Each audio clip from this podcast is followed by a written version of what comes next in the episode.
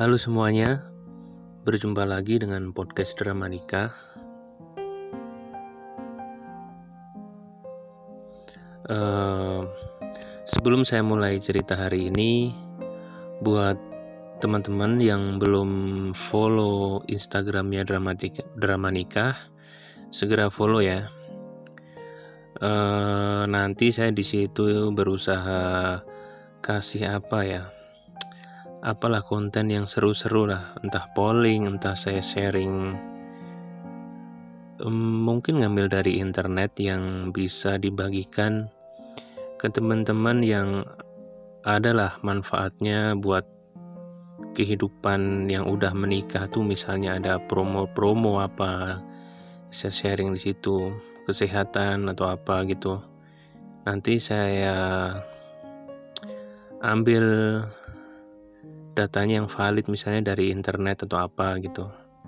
Yang penting nanti ada kontennya di situ. Yang pasti saya berusaha IG-nya itu digunakan untuk hal yang ada manfaatnya lah, kurang lebih kayak gitu.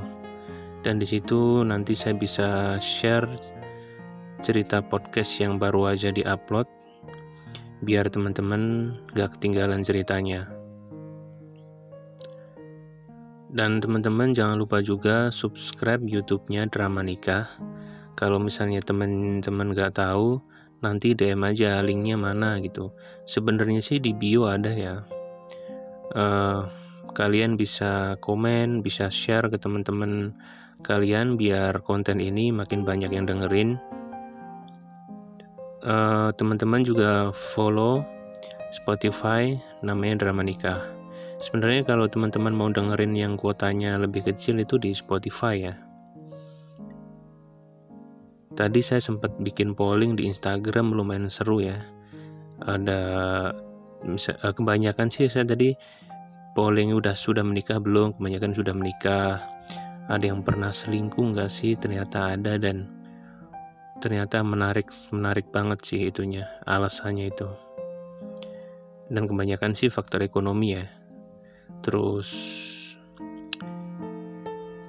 uh, pernah pengen cerai nggak sih? Ketika berumah tangga ternyata lumayan juga yang jawab pengen cerai. Dan mereka rata-rata pengen bertahan ya gara-gara anak. Atau karena malu ya dengan keluarga kalau misalnya cerai. Oke nggak usah bertele-tele langsung aja ke cerita hari ini ini sebenarnya yang cerita bukan orang yang sudah menikah ya, tetapi ini seorang remaja yang mana orang tuanya itu uh, mengalami masalah lah. Jadi anak ini jadi korban. Uh, nanti dengerin aja ya seperti apa ceritanya. Oke, okay, halo. Di sini dia uh, dia kirim via Instagram ya. Halo kak, halo kak. Sebelumnya kenalin ya. Nama namaku adalah Aristalia. Biasa dipanggil Lia. Dalam kurung dia nulis nama pasaran. Lia nama yang bagus sih. Pasaran tapi bagus.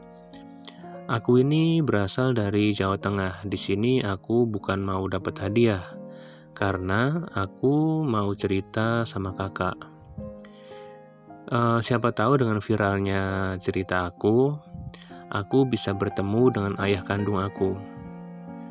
Ya, semoga viral ya. Tetapi ini emang yang dengerin emang belum banyak. Jadi teman-teman yang sedang dengerin uh, bisalah bantu share cerita ini ya ke IG atau Facebook lah atau ke WA. Share linknya aja biar yang lain dengerin. Oke, jadi aku mulai cerita ya. Sebenarnya ini bukan cerita saya, tetapi cerita dari ibu saya yang diceritakan ke saya. Awalnya ibu saya ini nggak mau buka suara tentang kisah ini, tetapi dia mencoba bercerita lah. Ibu saya lahir sekitar tahun 83 jadi waktu itu pada tahun 90-an ibu saya ini uh, memasuki masa remaja lah. Karena kalau pada zaman dahulu kan pendidikan masih dianggap rendah banget ya. Bahkan anggapan anggapan kalau perempuan itu babu atau berada di dapur itu masih ada. Nah, jadi ibu saya ini membantu perekonomian keluarga yang memang benar-benar minim dengan bekerja.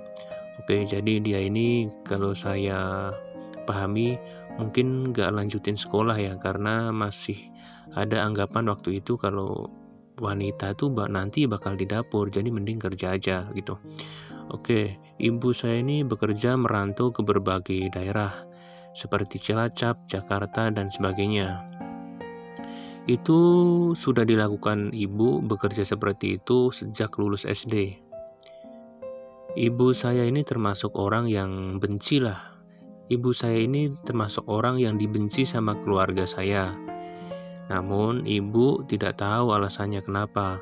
Padahal jujur waktu itu ketika kerja, gajian selalu diberikan ke orang tua dan adik-adiknya. Di sini ibu saya adalah anak kedua dari enam bersaudara, empat di antaranya perempuan dan dua laki-laki. Anak yang pertama sudah menikah sejak berumur 12 tahun dan sudah ikut suaminya. Jadi tinggal ibu saya dan adik-adiknya. Nah, waktu itu makanya ibu bekerja untuk memenuhi kebutuhan keluarga. Anak-anak yang lain, yaitu adik-adiknya, dianak emaskan oleh ibu atau nenek saya ya. Tetapi tidak dengan ibu saya. Ibu saya ini bekerja Nah, karena ibu saya terlalu lama merantau di Jakarta, bekerja di Jakarta, maka nenek ini berinisiatif untuk untuk menjodohkan ibu dengan anak teman nenek.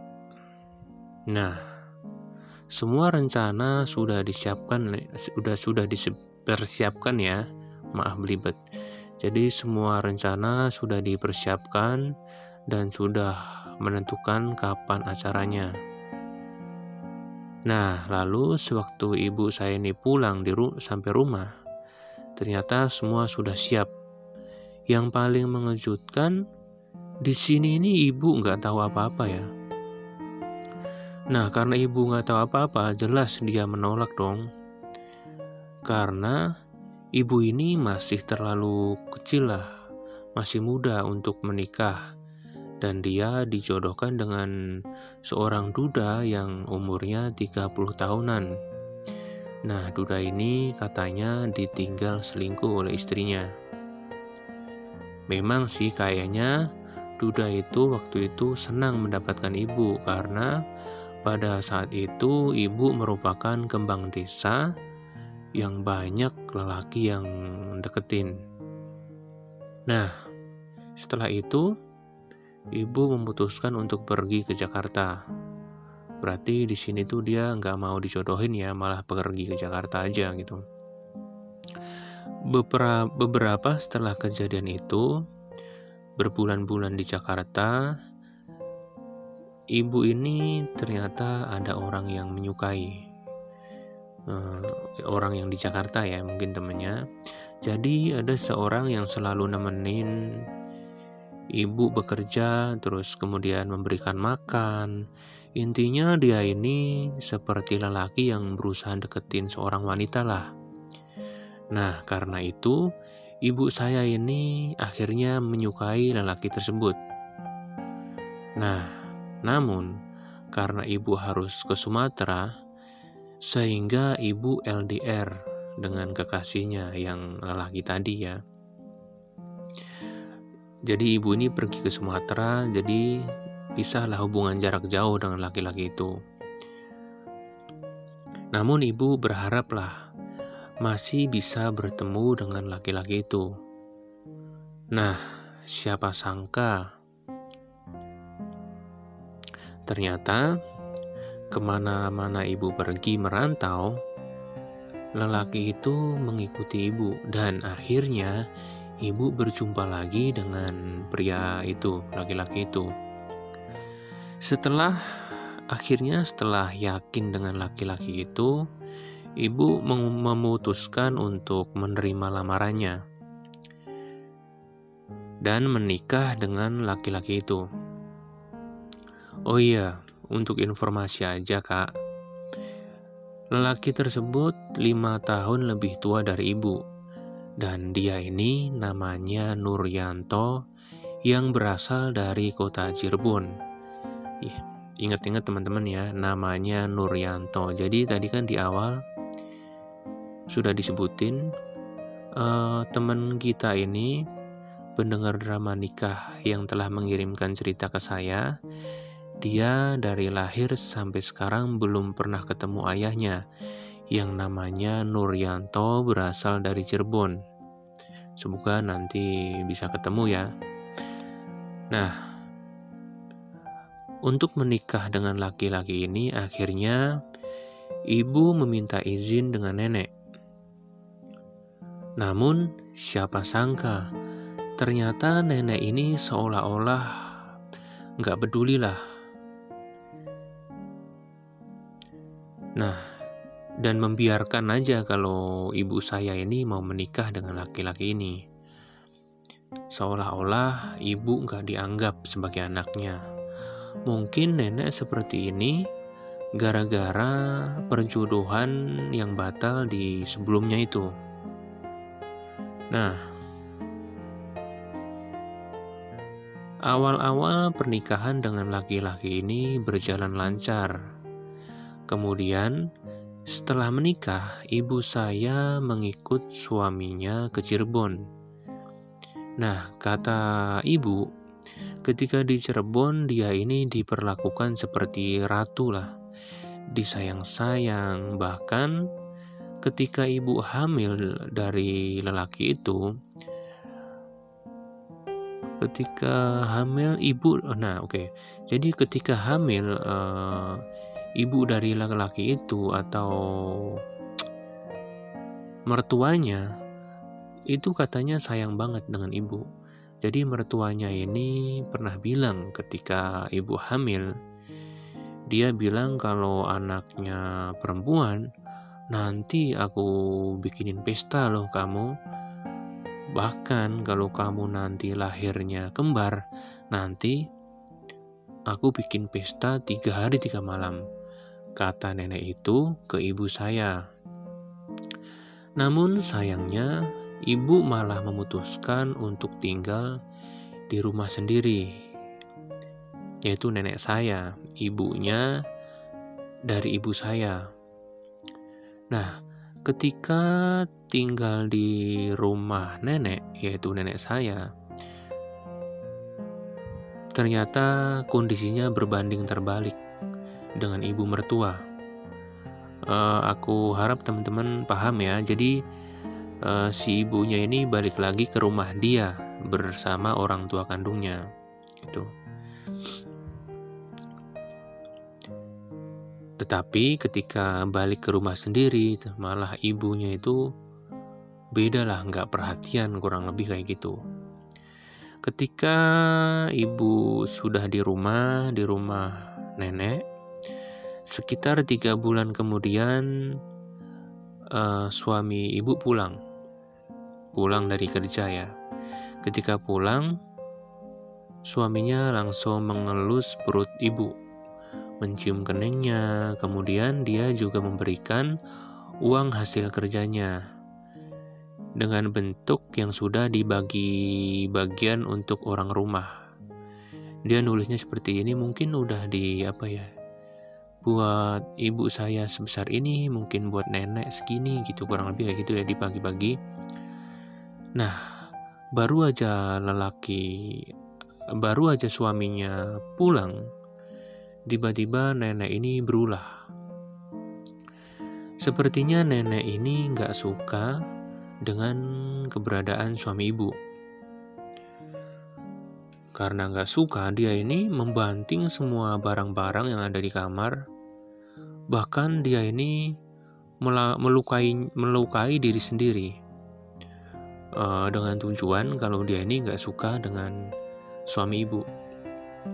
Aneh juga ya. Mungkin ngiris tangan ya. Ah aku sakit nih gara-gara kamu gitu. Mungkin ya. Mungkin kali ya. Aneh juga sih. Nah. Nah mungkin eh, kesabaran memang ada batasnya ya akhirnya karena sudah habis kesabaran suami ibu bangkit Berdiri, dia memberikan uang lagi, sisanya ke ibu, dan berkata, Dek, Mas mau kerja lagi ya. Mas mau pergi, katanya ada pekerjaan. Ini Mas dapat info dari Pak D. Itu kata suaminya. Ketika mendengar itu, awalnya ibu ini melarang. Loh mas, kan baru pulang. Kok pergi lagi sih mas? Udah, di rumah aja, biarinlah. Ibu itu emang kayak gitu sifatnya, sabar aja kamu mas. Aku masih kangen, kamu jangan pergi dulu. Kurang lebih kayak gitu kata ibu. Tetapi, apa boleh buat? Suaminya tetap pergi. Jadi suaminya ini pergi gara-gara nggak betah.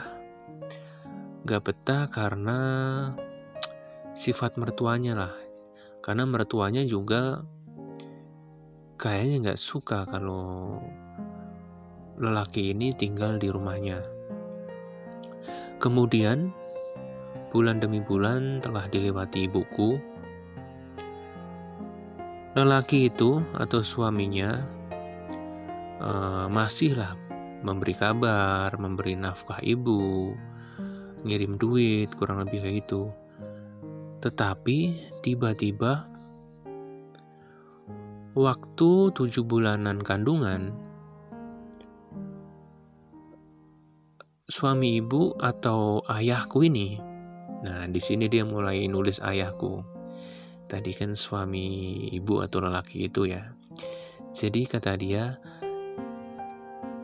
tiba tiba pada waktu tujuh bulanan, tujuh bulanan kandungan, ayahku ini tiba-tiba nggak kunjung kasih kabar padahal sebelumnya sering sering sering ngasih kabar ngasih kiriman duit tetapi tiba-tiba nggak kasih kabar bahkan nomor HP-nya pun tidak aktif ibu berusaha menghubungin uh, keluarga mertua di Cirebon tetapi tidak hasil tidak ada hasil bahkan keluarga yang di Cirebon uh, mereka ini taunya kalau ayah tinggal sama ibu. Nah, karena nggak dapat kabar apa-apa, ibu ibuku sedih bukan main ya. Selang beberapa kemudian ada paket datang yang diantar jasa pengiriman. Ternyata paket itu isinya perlengkapan bayi yang dikirim untuk ibu. Ibu sebenarnya tahu ya kalau itu pasti dari dari ayah. Namun sayangnya alamat pengirimnya itu disamarkan. Bahkan ibu ini saking sedihnya ya mengirimkan paket itu kembali kepada pengiriman. Nah, setelah beberapa bulan ibuku berusaha untuk memenuhi kebutuhan sendiri dengan mencari kayu bakar ke sawah, mencari makan dari kepompong ulat. Wah, makan kepompong ulat. Sedih ya, susah banget kayak hidupnya. Kemudian eh, semua itu emang dilakukan untuk memenuhi kebutuhan saat itu. Bahkan kata ibu, waktu itu dia mandi keramas hanya pakai sabun colek Ibu nggak habis pikir kenapa semua or orang semua orang rumah tega ya. Ibu seperti itu, kondisi seperti itu nggak ada yang peduli. Di masa kondisi hamilnya tua, ibu ini bisa mencari mencari untuk memenuhi kebutuhannya sendiri dengan melakukan hal-hal yang membahayakan kata ibu kata ibu saya. Kemudian saat tiba kelahiran kelahiran saya, ibu harus dirujuk ke rumah sakit besar karena ibu ini ternyata harus menjalani operasi. Waktu itu, ibu sudah pasrah, terus sakit hati juga. Tetapi, ibu berusaha kuat karena ingin melihat ingin melihat saya atau anaknya dan jadi dia harus bisa melalui semua ini. Kata ibu, uh, waktu itu banyak ya tetangga uh, yang mencela. Ada yang mengatakan ibu saya ini lonte, ada yang bilang janda nggak jelas dan masih banyak cacian yang lain. Saat operasi sesar semua berjalan lancar, namun waktu itu ada masalah administrasi rumah sakit karena sudah pastilah ibu tidak mampu membayar semua ini. Tetapi akhirnya ada Pak D yang datang ke rumah sakit membantu ibu. Udah tenang, aku yang bayar semuanya ya. Udah kamu fokus ke anak kamu. Kata Pak D. Kemudian Akhirnya ibu boleh pulang dari rumah sakit.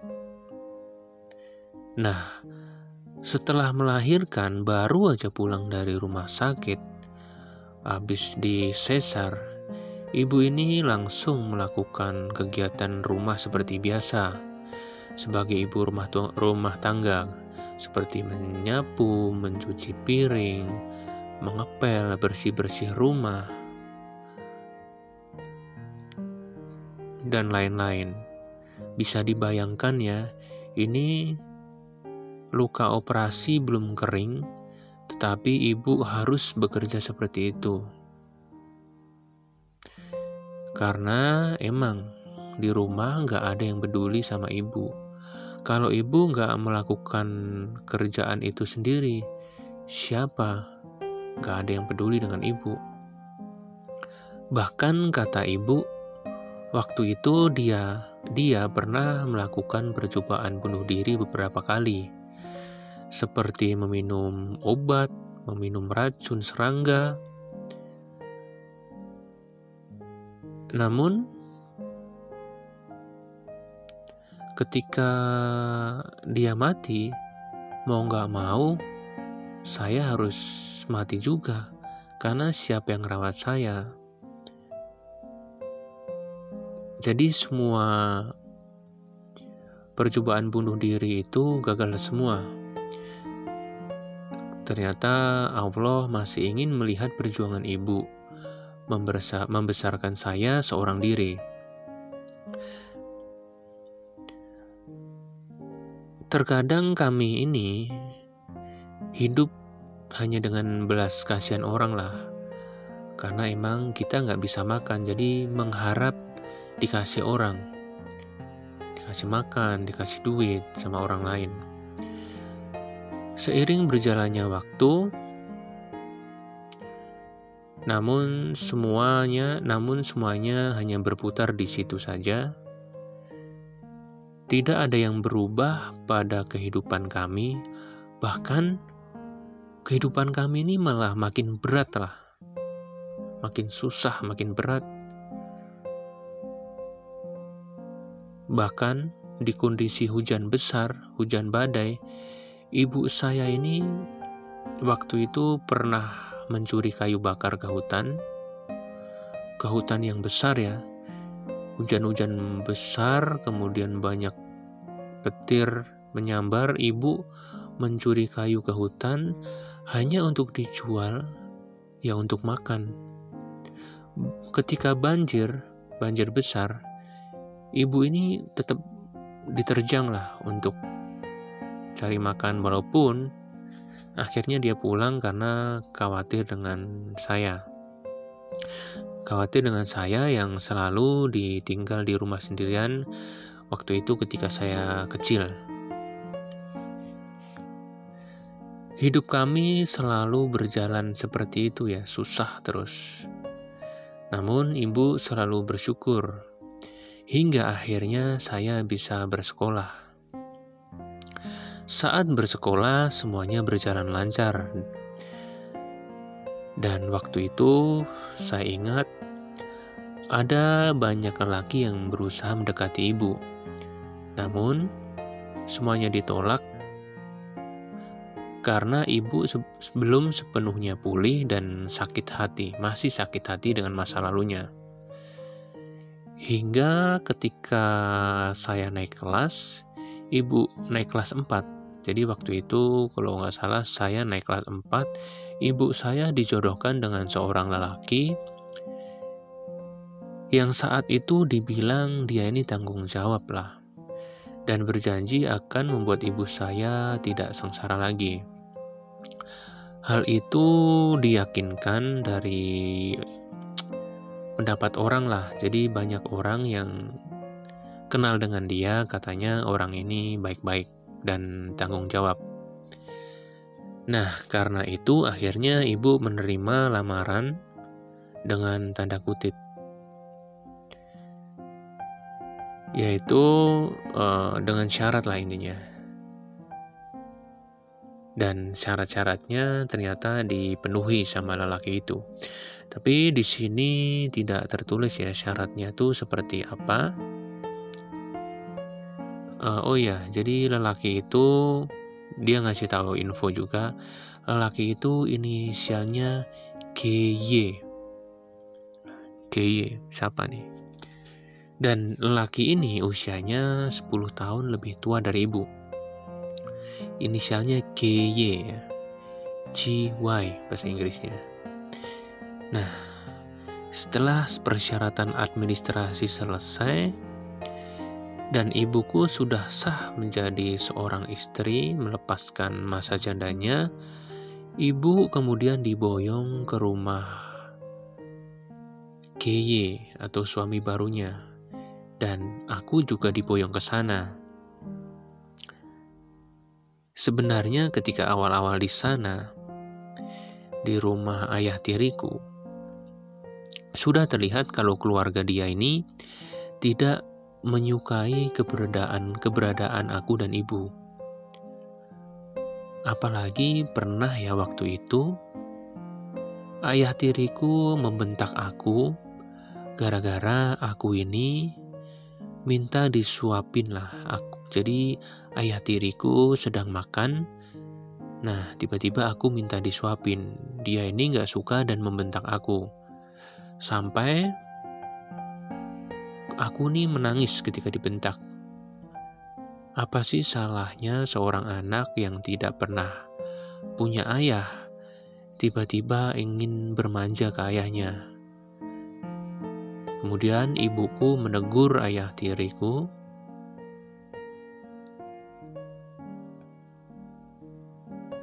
tetapi dia nggak disebutin sih responnya gimana. Intinya ibunya menegur lah. Karena nggak pantas berkata keras kepada anak ke, anak perempuan yang masih kecil. Dan ternyata uh, keluarga dari ayah tiri ini sebenarnya jahat sama ibu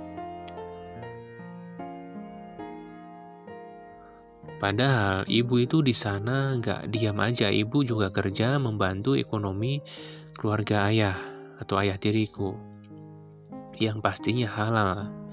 Tetapi ibu malah pernah ditipu dengan cara membayarkan hutang dari saudara bapak. Jadi ibu ini suruh bayar hutang dari saudara bapaknya dengan jaminan sawah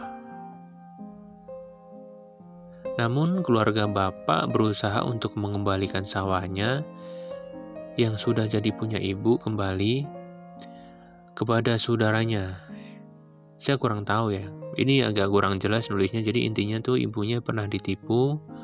Mungkin sawah ibunya itu digadekan untuk bayar utang bapak ke saudaranya kurang lebih kayak gitu ya.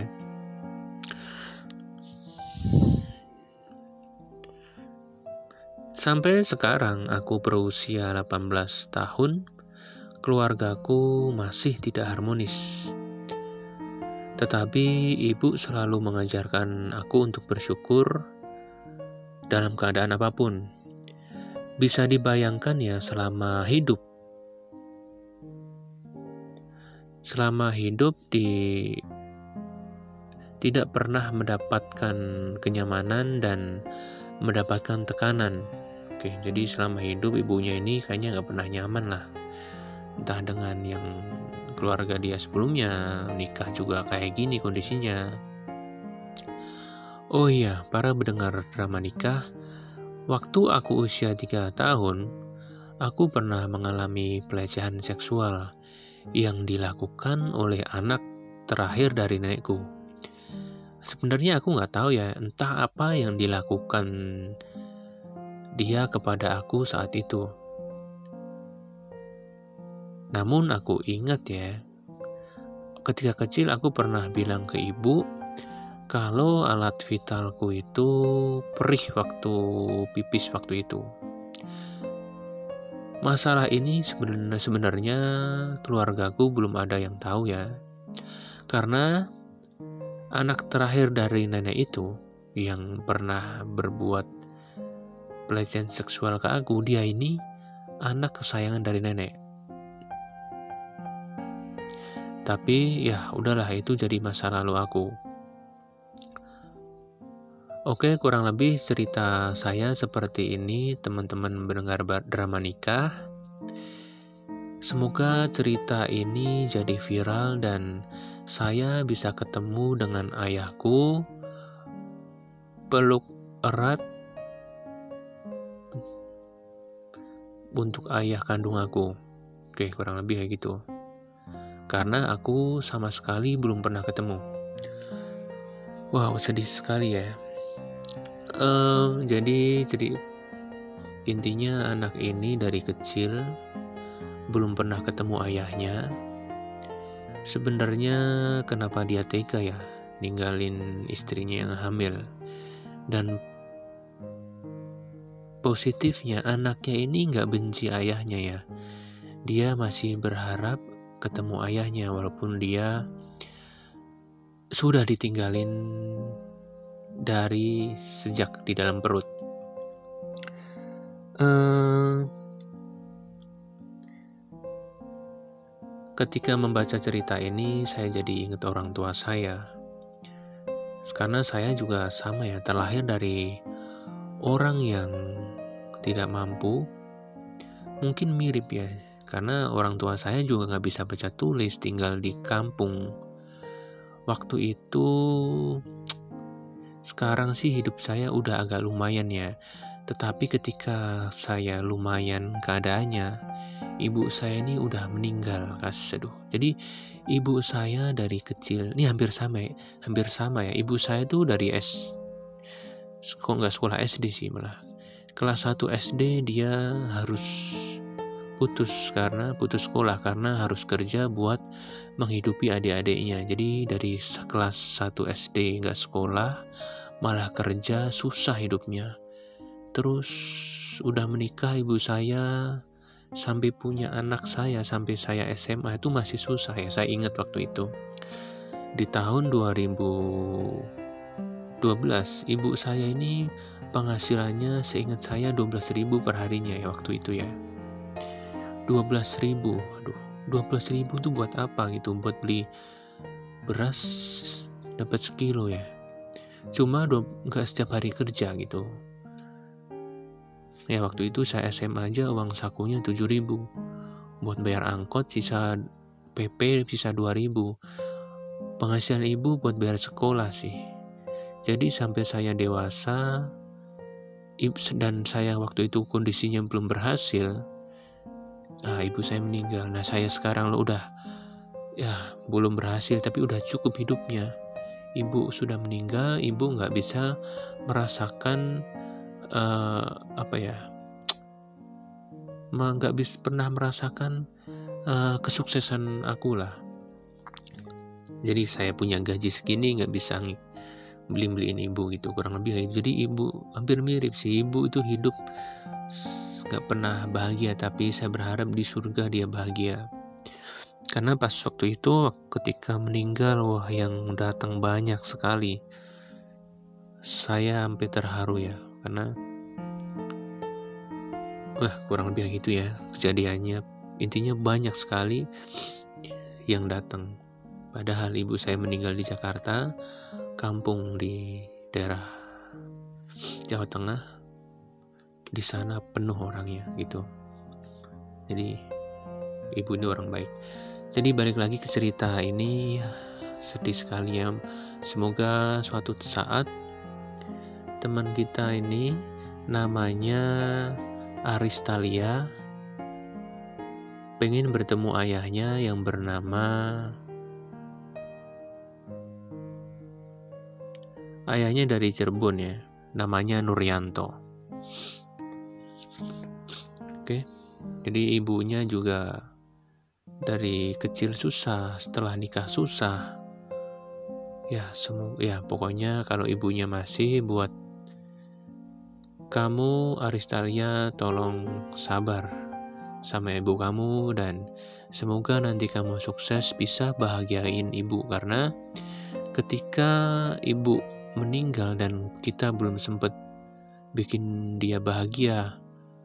Bakal nangis mungkin setahun pun belum bisa melupakannya. Karena ketika kita makan jadi keinget ya waduh ibu belum pernah makan ini ya. Belum pernah diajak jalan-jalan ke sini ya. Kurang lebih kayak gitu. Oke? Jadi teman-teman kurang lebih ceritanya seperti ini. Sebenarnya ini banyak banget ya uh, nilai moral yang bisa diambil.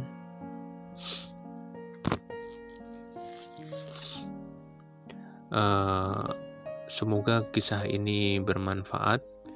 Dan sekali lagi buat Aristalia semoga kamu jadi anak yang sukses sukses. Dan mungkin bisa membahagiakan ibu kamu yang terpenting. Nah kalau ketemu ayah itu nomor tiga ya karena ibu kamu kayaknya belum bahagia ya dari kecil dan dia tinggal di rumah mertua kalau nggak salah ya tadi seperti yang diceritakan kayak gitu Oke teman-teman, seperti itu ceritanya. Jangan lupa share cerita ini ke IG, ke Facebook. Uh, kalian bisa dengerin ceritanya di YouTube atau di Spotify kalau mau yang ringan kuotanya di Spotify ya. Jangan lupa follow juga Instagramnya. Oke, terima kasih di cerita-cerita yang selanjutnya.